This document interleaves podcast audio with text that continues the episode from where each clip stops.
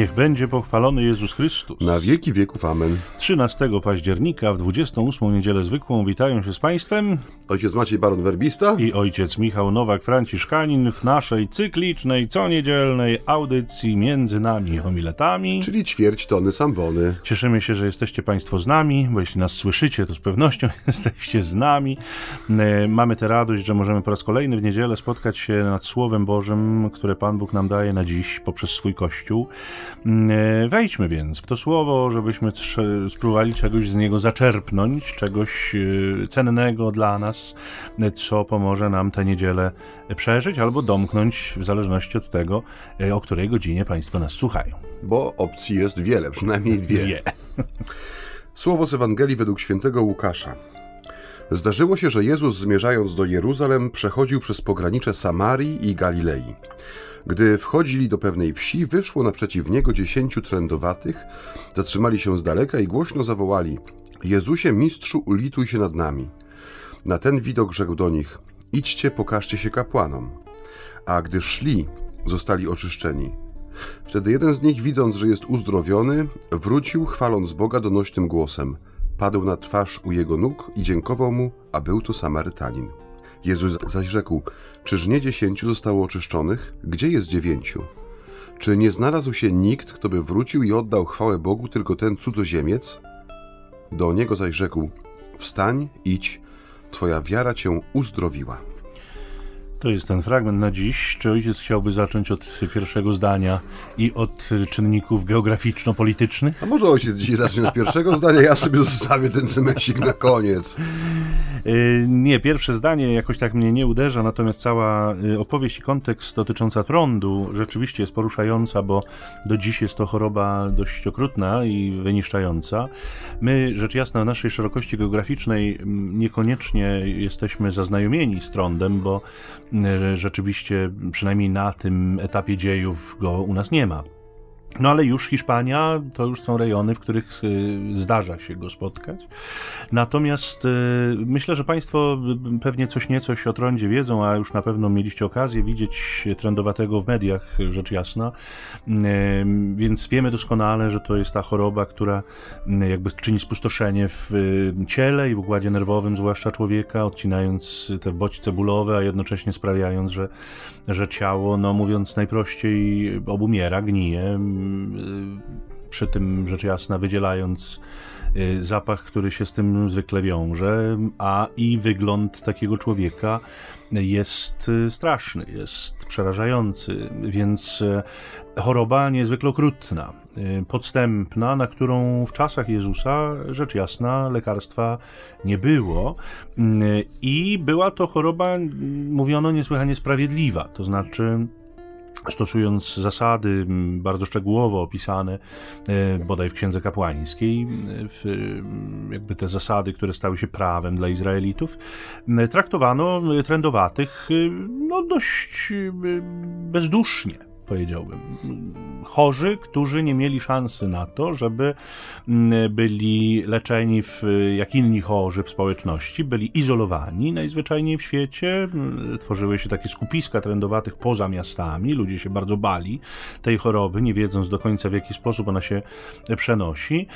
Tymi, którzy pełnili funkcje orzekających o trądzie, byli kapłani. Oni również mm, jakby orzekali o jego ewentualnym ustąpieniu, choć trudno się spodziewać, że trąd ustępował, chyba że rzeczywiście w jakichś e, nadzwyczajnych okolicznościach, e, powiedzmy, cudu, bo sam z siebie raczej nie. Natomiast musimy wiedzieć też, że e, rozwój medycyny był na takim etapie, że za trąd brano również inne choroby. Tak, które... często jakieś zmiany skóry Tak, brane za- grzybice, inne, więc to te, te miały tendencję do tego, żeby się cofać. Jeśli kapłan orzekł, że trąd ustąpił, czy cośkolwiek tam, co tym, za ten trąd uważano, to człowiek mógł rzeczywiście wrócić do społeczności. Rzadko się to zdarzało.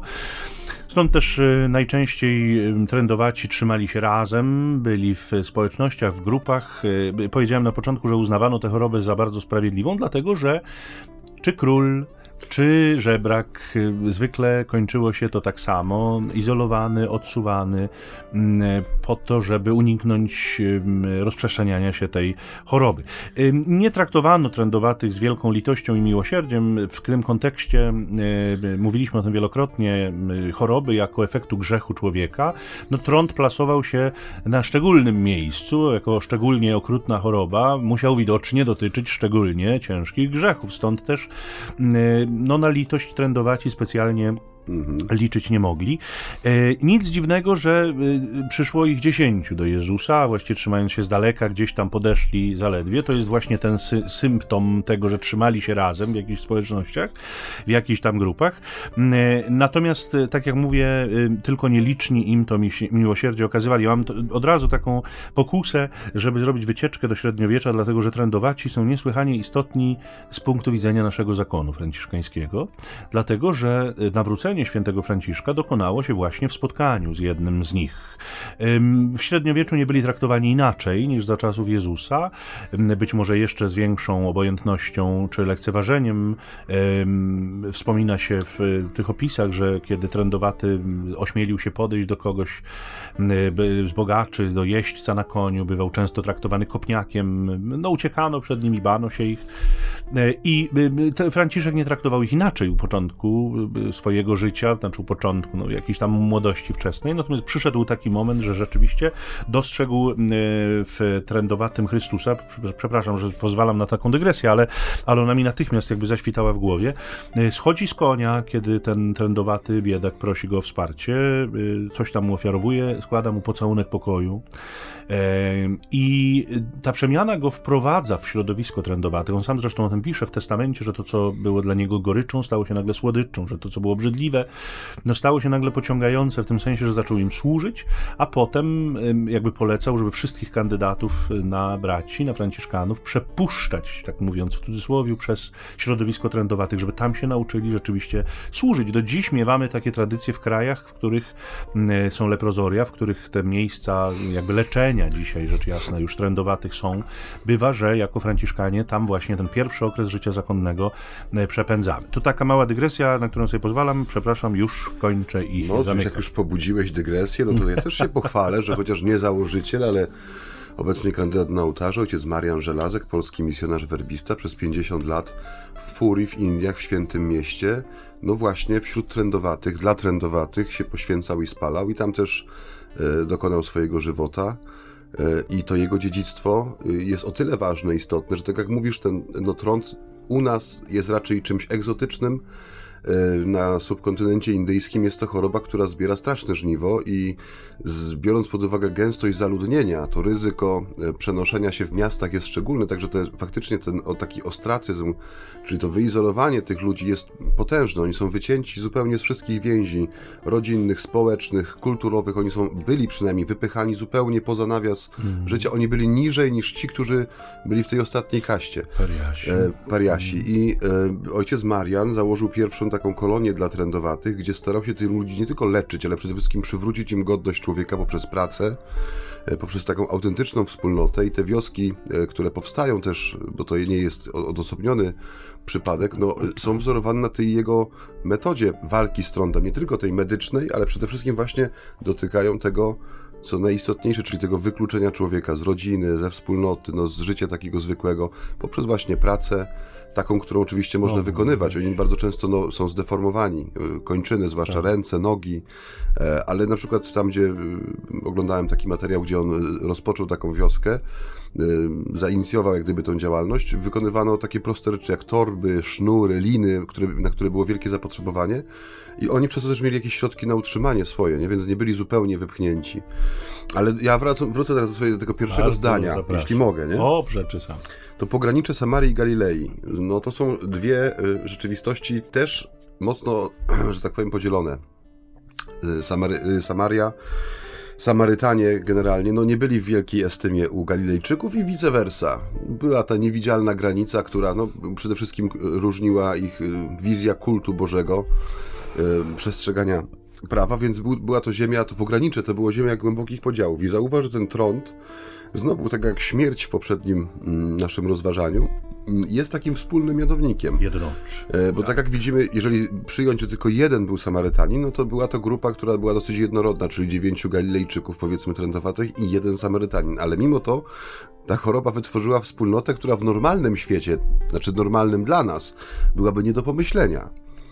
A tutaj oni byli zdani na siebie, tak jak mówisz, oni często poruszali się w grupach czy w takich właśnie koloniach, no bo też e, razem się łatwiej jest wyżywić, razem się łatwiej jest utrzymać, no i też razem człowiek jest bardziej widoczny i słyszalny, bo oni mieli przykazane właśnie ten, ten głośny krzyk miał oznaczać i oznajmiać, że oto w niedalekiej odległości jest grupa trendowatych, mm -hmm, żeby przypadkiem ktoś nie zaciągnął rytualnej nieczystości, -hmm. przecinając im ścieżkę. I tutaj choroba ich jednoczy. Tu choroba jak gdyby kasuje ten podział na Samarytan, Galilejczyków, wiernych, niewiernych. E, wszystkie te przymiotniki pewnie, które w normalnym świecie używaliby i odmienialiby przez różnego rodzaju przypadki, tu po prostu przestaje mieć jakiekolwiek znaczenie. Że wobec, zauważ, że wobec tej choroby tworzy się zupełnie nowa rzeczywistość, która tak naprawdę, mimo choroby, jest normalna, czyli jest tą rzeczywistością bez podziałów, bez wycięcia kogokolwiek, wysunięcia go poza nawias. Więc to też jest taki ciekawy e, moment, w którym Jezus się pojawia na scenie, nie? że jest ewangelista lista nam zaznacza, że jest to pogranicze, czyli miejsce naznaczone podziałami, a z jednej strony mamy tą grupę, która staje przed nim prosząc o miłosierdzie, która jest grupą właśnie poza tymi podziałami, ponad tymi podziałami. Tak, rzeczywiście jest tak, że choroba niweluje te wszelkie różnice rasy, koloru skóry, narodu, religii, e, prawda? Jeśli spotykają się ludzie chorzy, to zasadniczo są zjednoczeni w swoim cierpieniu i to bardzo jasno widać. Natomiast mówiliśmy sobie o tym trądzie jako o rzeczywistej chorobie, E, ale w kościele właściwie od samego początku e, u ojców trąd jest rozumiany alegorycznie. To jest grzech człowieka. I, I to bardzo mocno widać, ja myślę do dziś, jak trudno jest zdrowym znieść chorych, a chorym znieść zdrowych. Grzech rzeczywiście y, dzieli. Nie? Choroba oddziela od społeczeństwa. Nawet ta, która nie jest tak okrutna jak trąd, to jednocześnie y, każda właściwie y, no, wytwarza taką granicę między zdrowymi a chorymi. Granicę choćby zazdrości, rozczarowania, rozgoryczenia. Dlaczego ja? Dlaczego mnie to spotkało? Dlaczego inni są zdrowi, a ja jestem chory? Z drugiej strony, to o czym mówiliśmy w poprzedniej audycji, ty na to zwracałeś bardzo dużą uwagę, że ta próba ze strony zdrowych usunięcia tych chorych z oczu, przynajmniej przed oczu, żeby nie było ich, żeby nie było jakby widzenia śmierci, odchodzenia, cierpienia, żeby to wyeliminować z tej codzienności, więc, więc ten obraz jest niesłychanie żywy do dziś. To nie jest y, y, drodzy Państwo, zupełnie, nie wiem, abstrakcyjny obraz. Nie można powiedzieć sobie, czytając tę Ewangelię, nie ma trądu u nas, więc zasadniczo. Otwieramy to na następnej tak, stronie. Tak, tak, przewracamy, bo to zupełnie nas nie dotyczy, to jest nie, nie, nie o nas. Otóż jest to o nas bardziej chyba niż nam się e, rzeczywiście wydaje. Choć e, jak każda analogia ma to pewne swoje słabe strony, bo trąd jako choroba Y, no, nie do końca przewiduje wolny wybór człowieka. Grzech, rzecz jasna, ma tutaj element wolności. Na grzech można się zdecydować. Natomiast efekt w jednym i drugim przypadku, mm. skutek jest podobny. To jest obumieranie, to jest y, no, smród, mówimy kolokwialnie, grzechu. To jest rzeczywista deformacja życia, którą on nam powoduje. Więc weźmy sobie to słowo przed oczy jako takie, które rzeczywiście jest na dziś. Jest to słowo, do którego z całą pewnością warto nam się dzisiaj odnieść, czy nad którym warto nam się dzisiaj skupić. Trudno Więc może ta przerwa muzyczna nam troszeczkę go osłodzi.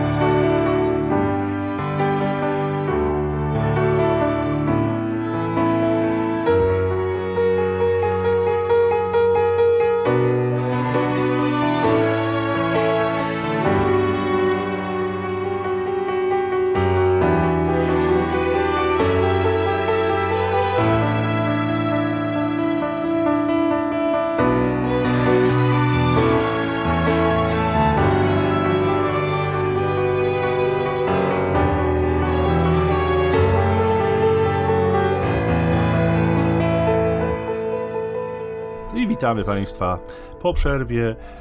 E, dzisiaj z tematem 10 trendowatych stajemy mm, e, no, wobec Chrystusa, który tę scenę jakby przeżywa razem z nimi. I e, przyznam szczerze, że tak patrząc na tych ludzi, ja sobie postawiłem pytanie, czego oni chcą tak naprawdę. Bo zauważ, że oni w zasadzie no, nie wyrażają żadnej konkretnej prośby. Mm -hmm.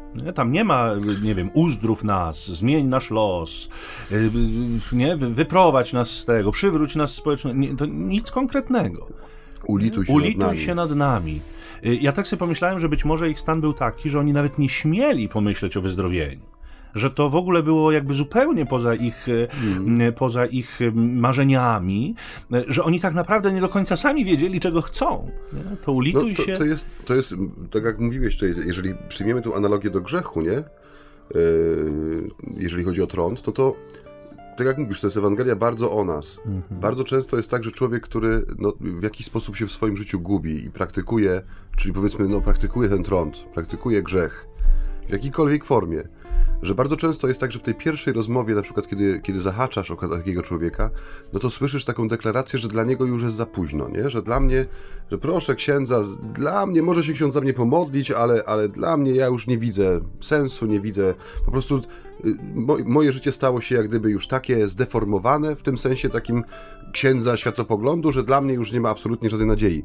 I, i wydaje mi się, że ci ludzie mieli coś takiego. Musiała, musiała być choroba już tak zaawansowana, że no jedyne, co ich było stać, to to wołanie o ulituj się, nie? w jakikolwiek sposób. No Daj nam coś do jedzenia, a może, nie wiem, łaskawie wejrzyj na nas, albo, nie wiem, nie zgłaszaj, że jesteśmy w okolicy, bo, bo jesteśmy głodni, szukamy czegoś do jedzenia. Nie wiemy, o co chodziło. No ale była to taka prośba, tak jak mówisz, nie, nie było to kon konkretne proszenie, na przykład uzdrów mnie, mhm. przywróć mi wzrok, nie wiem, przywróć mi sprawność moich kończyn, uzdrów mnie.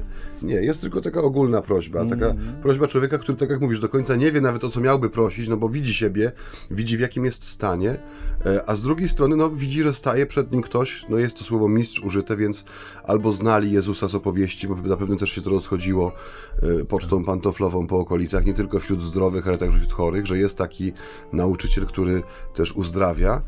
I staje przed nim człowiek, znaczy grupa ludzi, która właśnie no, może sformułować tylko taką prośbę wobec swojej no, deformacji, wobec swojej słabości.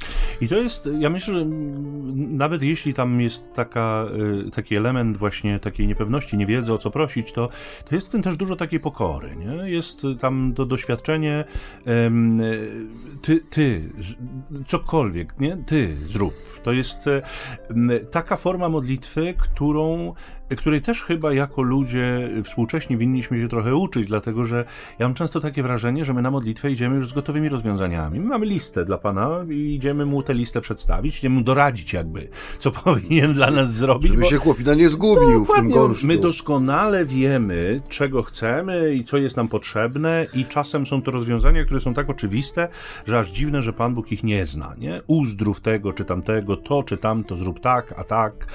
My, my jakby mamy znakomite znakomite rozwiązania na podorędziu i chętnie się nimi z Bogiem dzielimy. Tymczasem stanięcie przed Nim to jest, to, to jest modlitwa, wspominałeś ostatnio, o, o, mówiąc o cudzie, wspominałeś o sztandarowym cudzie w Kanie Galilejskiej, to tam jest ta modlitwa Maryi, która jest bardzo zbliżona. Nie mają już wina.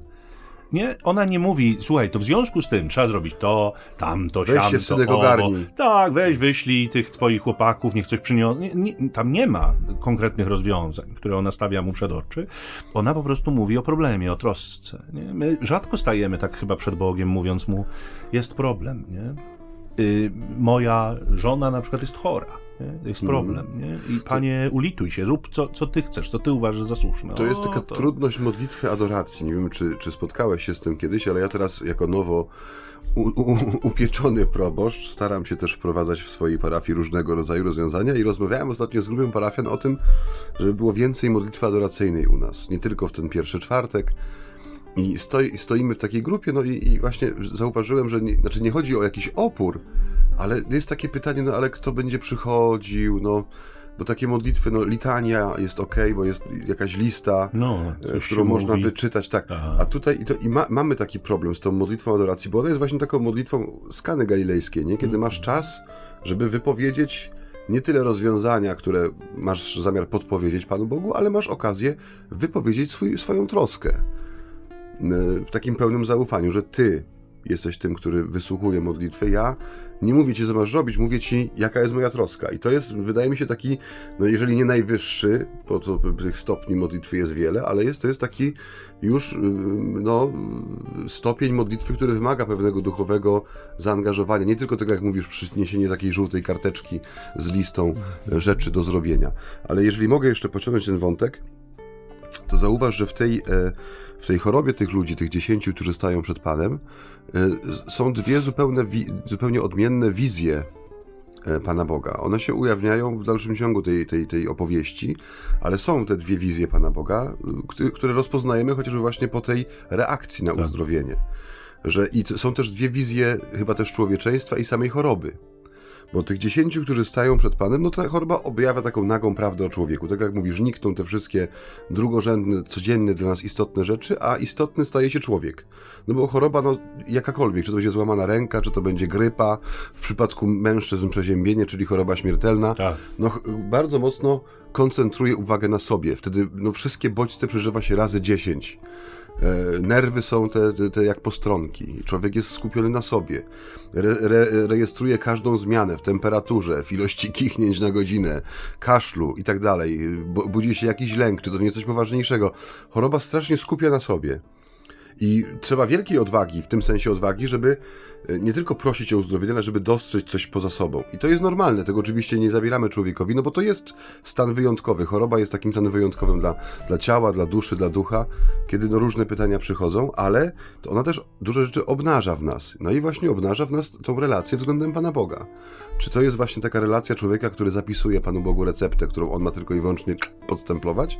Czy to jest takie stanięcie w prawdzie, że staję przed Tobą w takiej, a nie innej sytuacji, taki, taki jest mój problem, taka jest moja troska i proszę Cię o litość, proszę Cię o miłosierdzie, ale, ale nie podpowiadam Ci, co, mam, co masz z tym zrobić. Nie? I tutaj Pan Jezus w bardzo yy, prosty sposób, zresztą zgodny z przepisami prawa, tak jak mówiłeś na początku, mówi idźcie, pokażcie się kapłanom. I widać, że u nich jest ten, e, ta odpowiedź jakiegoś zawierzenia, no bo ruszają w drogę. Tych dziesięciu wychodzi w drogę, nie?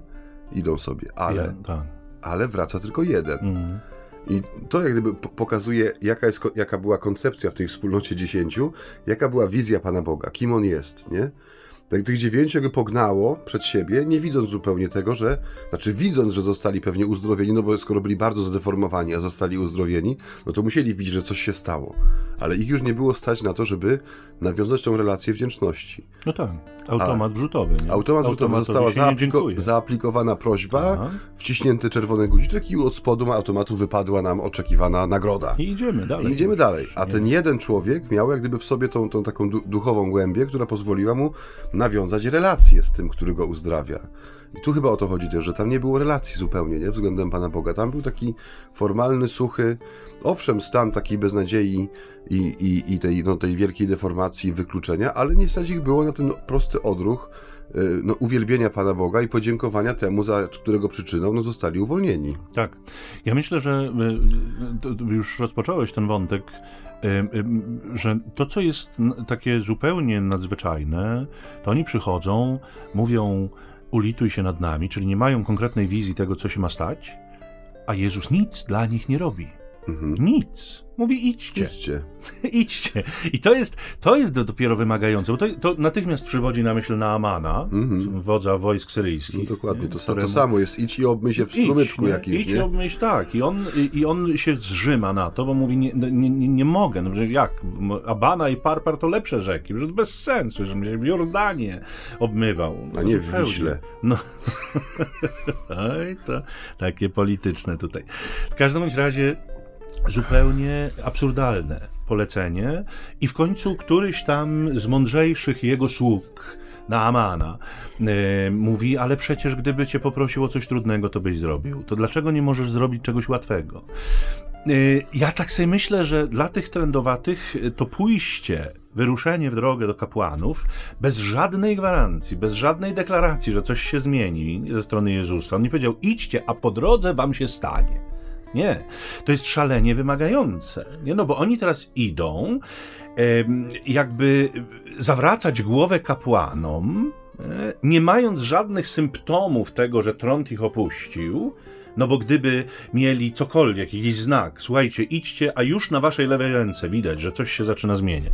No to ja rozumiem, to mamy coś, nie możemy rzeczywiście się czegoś uchwycić poza słowem, mhm. które Jezus do nich kieruje. Możemy iść rzeczywiście wierząc, że rzeczywiście po drodze ten stopień oczyszczania będzie postępował i dojdziemy i będziemy czyści, ale oni nic nie mają, nie? Idźcie, pokażcie się, a co jeśli się nic nie wydarzy? A co jeśli staną przed tymi kapłanami i będą nadal trendować? A, a kto ich potraktuje wtedy z litością? Czy ich nie ukamienują od razu na przykład za to, że ośmielili mhm. się przyjść i będąc chorymi, udawać zdrowych albo prosić o coś, co im jest nie... To, ja myślę, że to jest, wiąże się niby proste polecenia, wiąże się z niesłychanie dużym napięciem w tych ludziach, nie? które się wytwarza, bo oni rzeczywiście mają zrobić coś totalnie y, obok. Mnie się, a mnie się też wydaje, że możliwa jest taka interpretacja, że te słowa Jezusa, które on do nich wypowiada, idźcie, pokażcie się kapłanom, oni potraktowali jako takie po prostu odesłanie ich. E, rozumiesz? W sensie mhm. takim, że e, nie było w tym e, odejściu żadnego entuzjazmu. Od, od kolejny człowiek, który no, na prośbę o litość okazał się no, niemiłosierny. No idźcie do kapłanów. Tak jakby chciał im przypomnieć, zobaczcie jaki jest wasz stan, nie? Żeby wam mhm. przypomnieli kapłani, że jesteście trendowaci. Też to mogło być tak, myśl, tak, tak, tak mnie się wydaje, nie? Że no, no, no, no jak ja się mogę ulitować? No, no, no idźcie, pokażcie się kapłanom, gdzieś wam powiedzą, że jesteście pokryci trądem i out zupełnie, nie?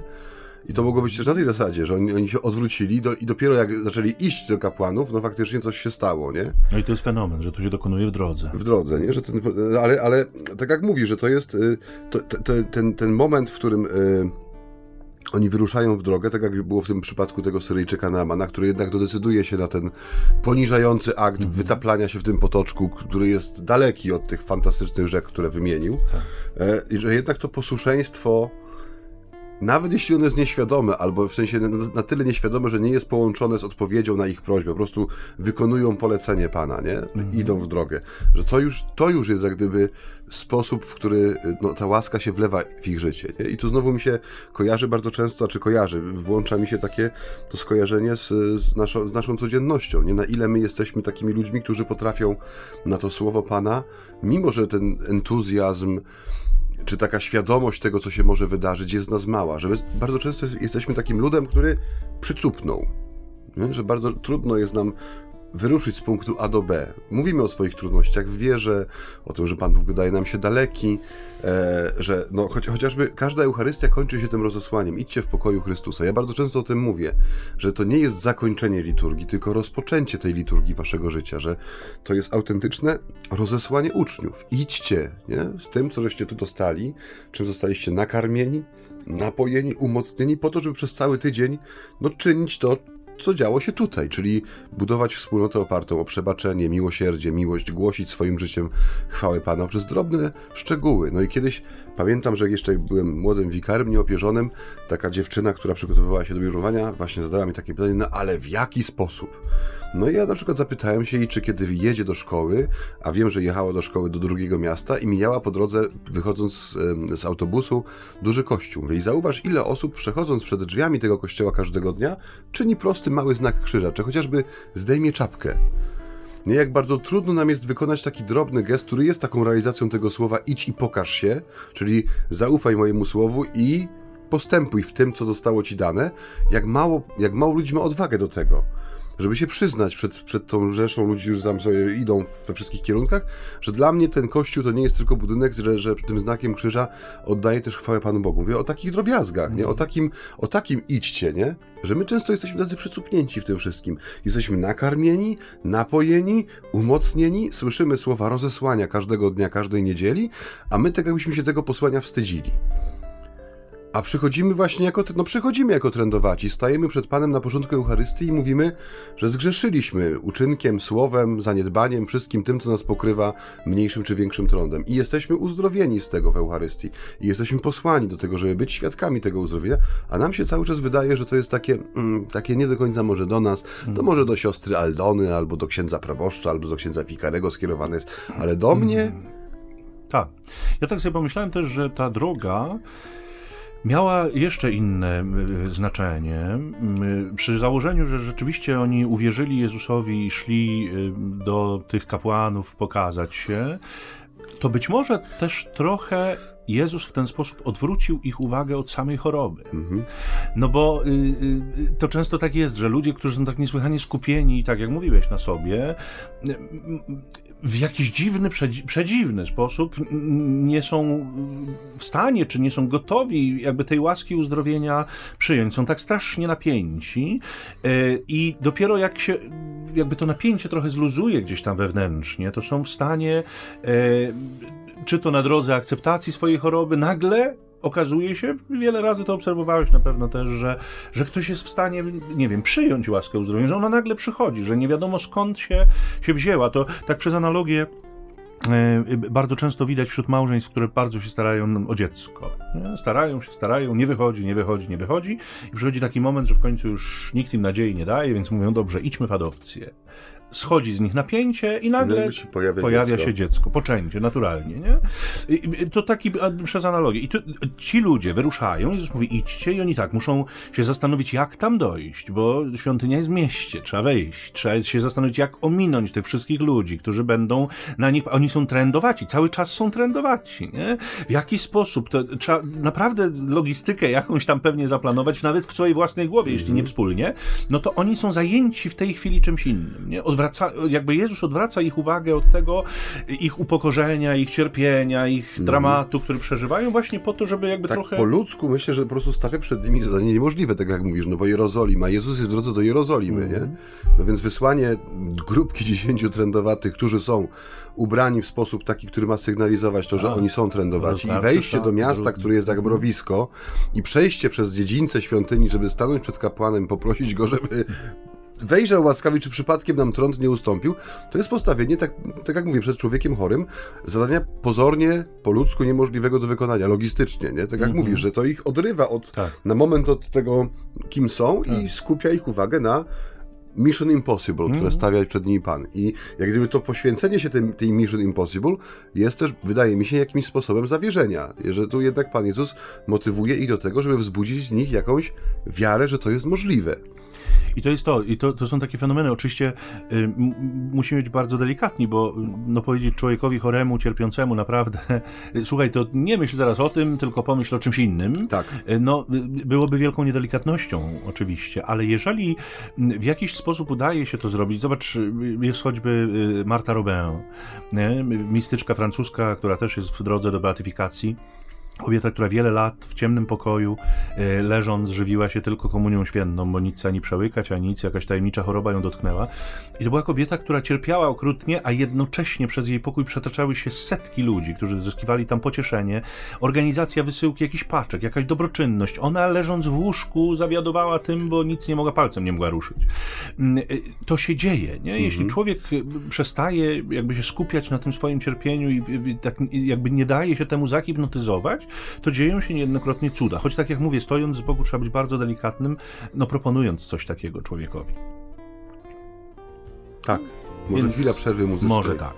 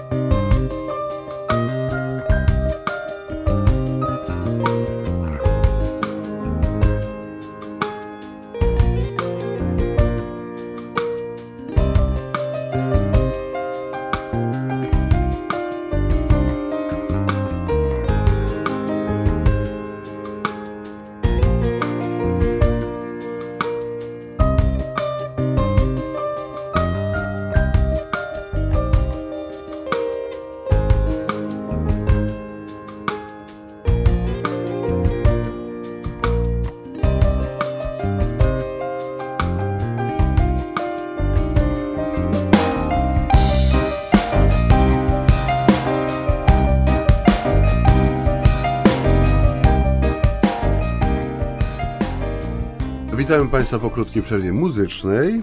Cały czas jesteśmy e, przy słowie e, z 28 niedzieli zwykłej, które mówi nam o no, tym wyjątkowym uzdrowieniu, które dokonało się za sprawą Jezusa, grupie 10 trendowatych. Mm, I tutaj ja bym jeszcze, nie wiem czy, czy zdążyłem, powoli trzeba podchodzić do lądowania, ale ja bym tutaj jeszcze chciał nadmienić jak gdyby tą drugą chorobę, z której Pan Jezus leczy człowieka, nie? Że y, mówiliśmy tutaj trochę o, tych, o, tej koncepcji, że choroba jak gdyby obnaża taką prawdę o nas, pokazuje prawdę o naszej relacji do siebie, do, do bliźniego i też do Pana Boga i do, do choroby jako takiej. I y, tych dziewięciu, ta większość, której, której nie było stać na, wdzie, na wdzięczność, y, oni dla mnie to reprezentują y, taką postawę, w której człowiek uważa Pana Boga za swoją własność, tak jak mówisz, nie? że to jest taki automat do spełniania życzeń, który, któremu się wydaje pewną dyspozycję i ma spełnić. Jeśli nie spełnia, tym gorzej dla niego, no bo jest wtedy Bogiem nieobecnym, Bogiem niewrażliwym. Rodzi pytania właśnie, gdzie był wtedy Bóg, E, jak odpowiemy, że był właśnie w tym cierpiącym, no to ktoś nam powie, że szukamy łatwych odpowiedzi, łatwych rozwiązań, trudne pytania i tak dalej, i tak dalej.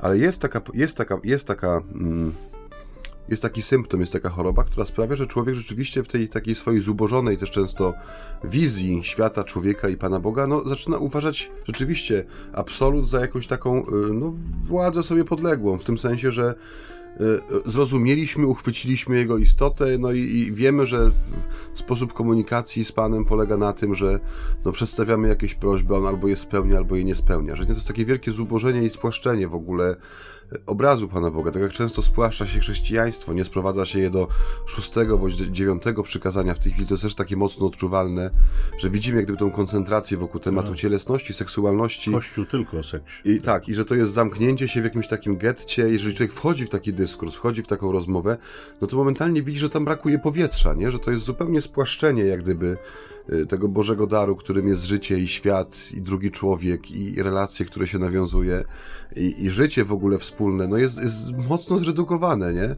Z jednej strony mówi się o tym, że Kościół ogranicza, a z drugiej strony strasznie ogranicza się Kościół, y, w tym sensie, że no, redukuje się go do, do dwóch kwestii, czasami do jednej kwestii właściwie, no i uważa się, że to jest właśnie dowód na wstecznictwo, na, na, na to, że to jest instytucja archaiczna, przestarzała, która nie ma prawa głosu i tak dalej, i tak dalej, i tak dalej. No, ja, mnie na przykład uderzyło bardzo mocno, kiedy byłem w tym roku w Szkocji, że e, lokalny miejscowy arcybiskup wystosował taki list do wszystkich swoich diecezjan, informujący o tym, że w związku z tym, że zbliża się nowa, tam nowy czas e, regulowania prawnego pewnych spraw związanych z edukacją, Rady miejskie kilku większych ośrodków wystosowały taki wspólny apel o o to aby wypchnąć Kościół katolicki zupełnie z dyskusji o edukacji i żeby przedstawiciele Kościoła nie mieli prawa głosu w kwestiach edukacyjnych. Co jest o tyle absurdalne, że duży procent szkół e, w tamtym regionie to są szkoły katolickie.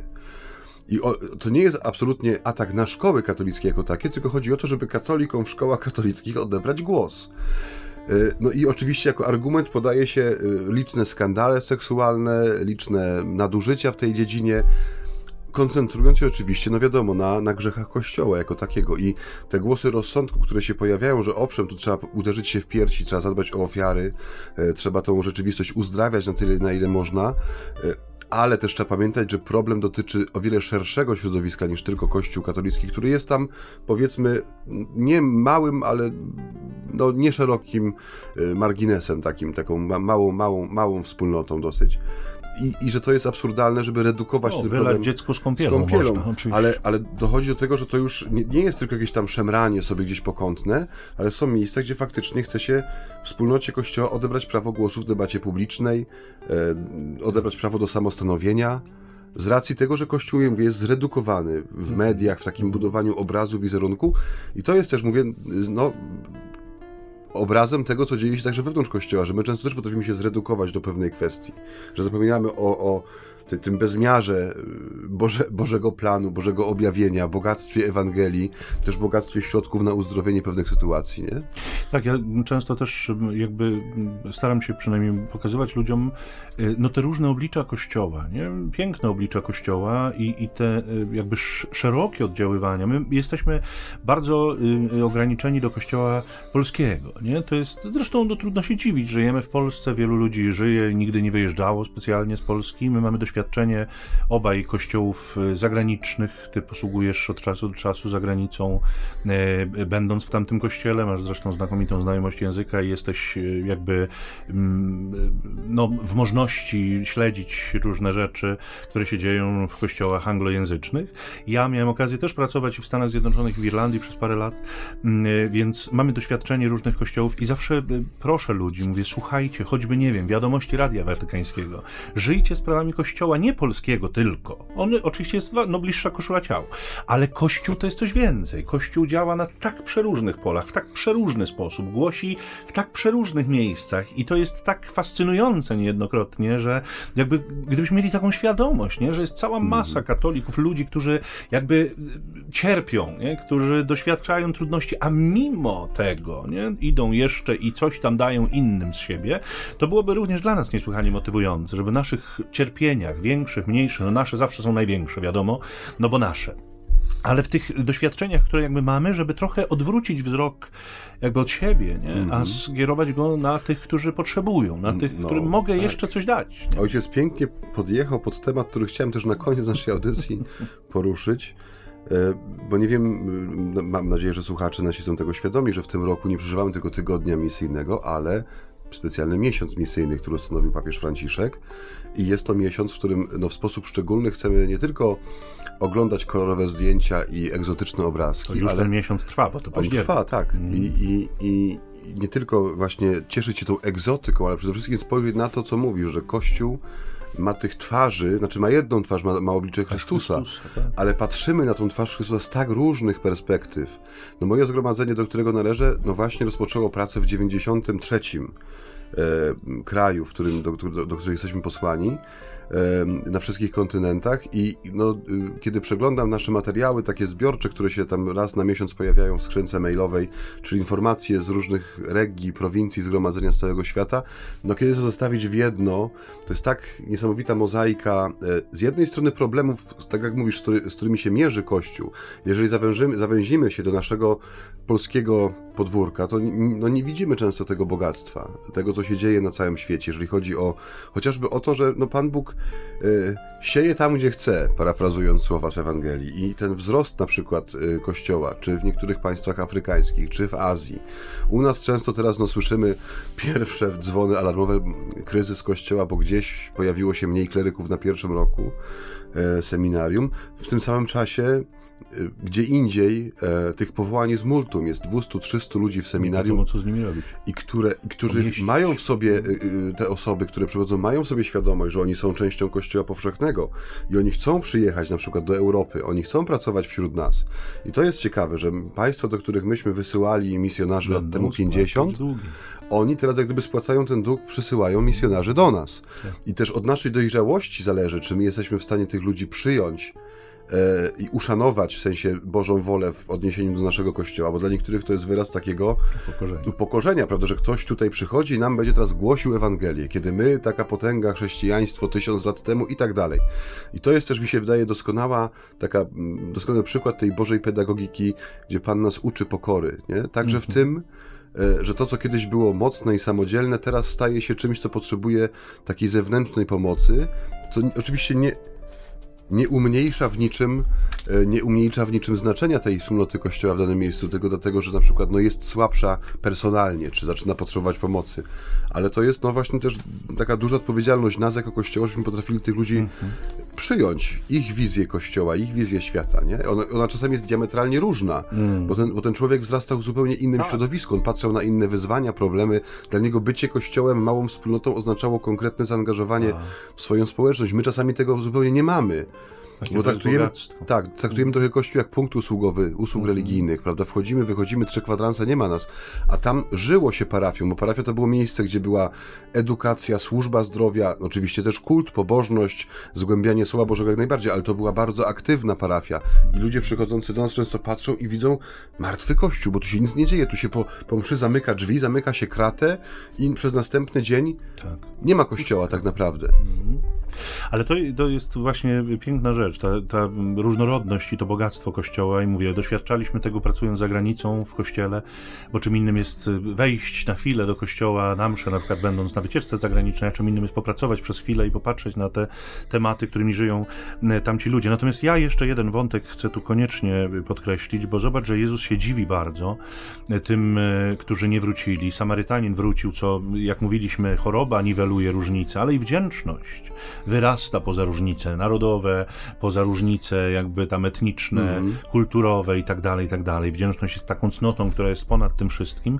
Natomiast e, tak sobie myślałem, gdzie ci ludzie poszli, nie? Ci, ci uzdrowieni. Pewnie no, sami sobie stawali się świadkami, no bo pewnie poszli, nie wiem, do rodzin wrócili, być może, jak sobie pomyślałem, wyobrażając, może pobiegli na rynek, żeby być wreszcie wśród ludzi, bo przecież byli do tej poza, pory tak. izolowani, poza, nie?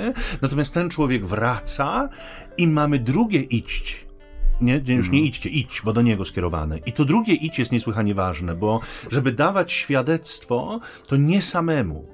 Nie samemu. On wrócił do Chrystusa i jeszcze raz zostaje posłany. Wstań, idź, twoja mhm. wiara cię uzdrowiła. Nie? Ten akt wiary był twoim uzdrowieniem. Teraz jesteś posłany, żeby dawać świadectwo. Nie? Że to jest jakby to, ten przepływ przez Chrystusa musi się dokonać, że nie można iść dawać świadectwa samemu, bo ono nie będzie działać, ono nie będzie nośne. Nie? Natomiast Chrystus, który mówi wstań, idź teraz, teraz idź dopiero. Nie?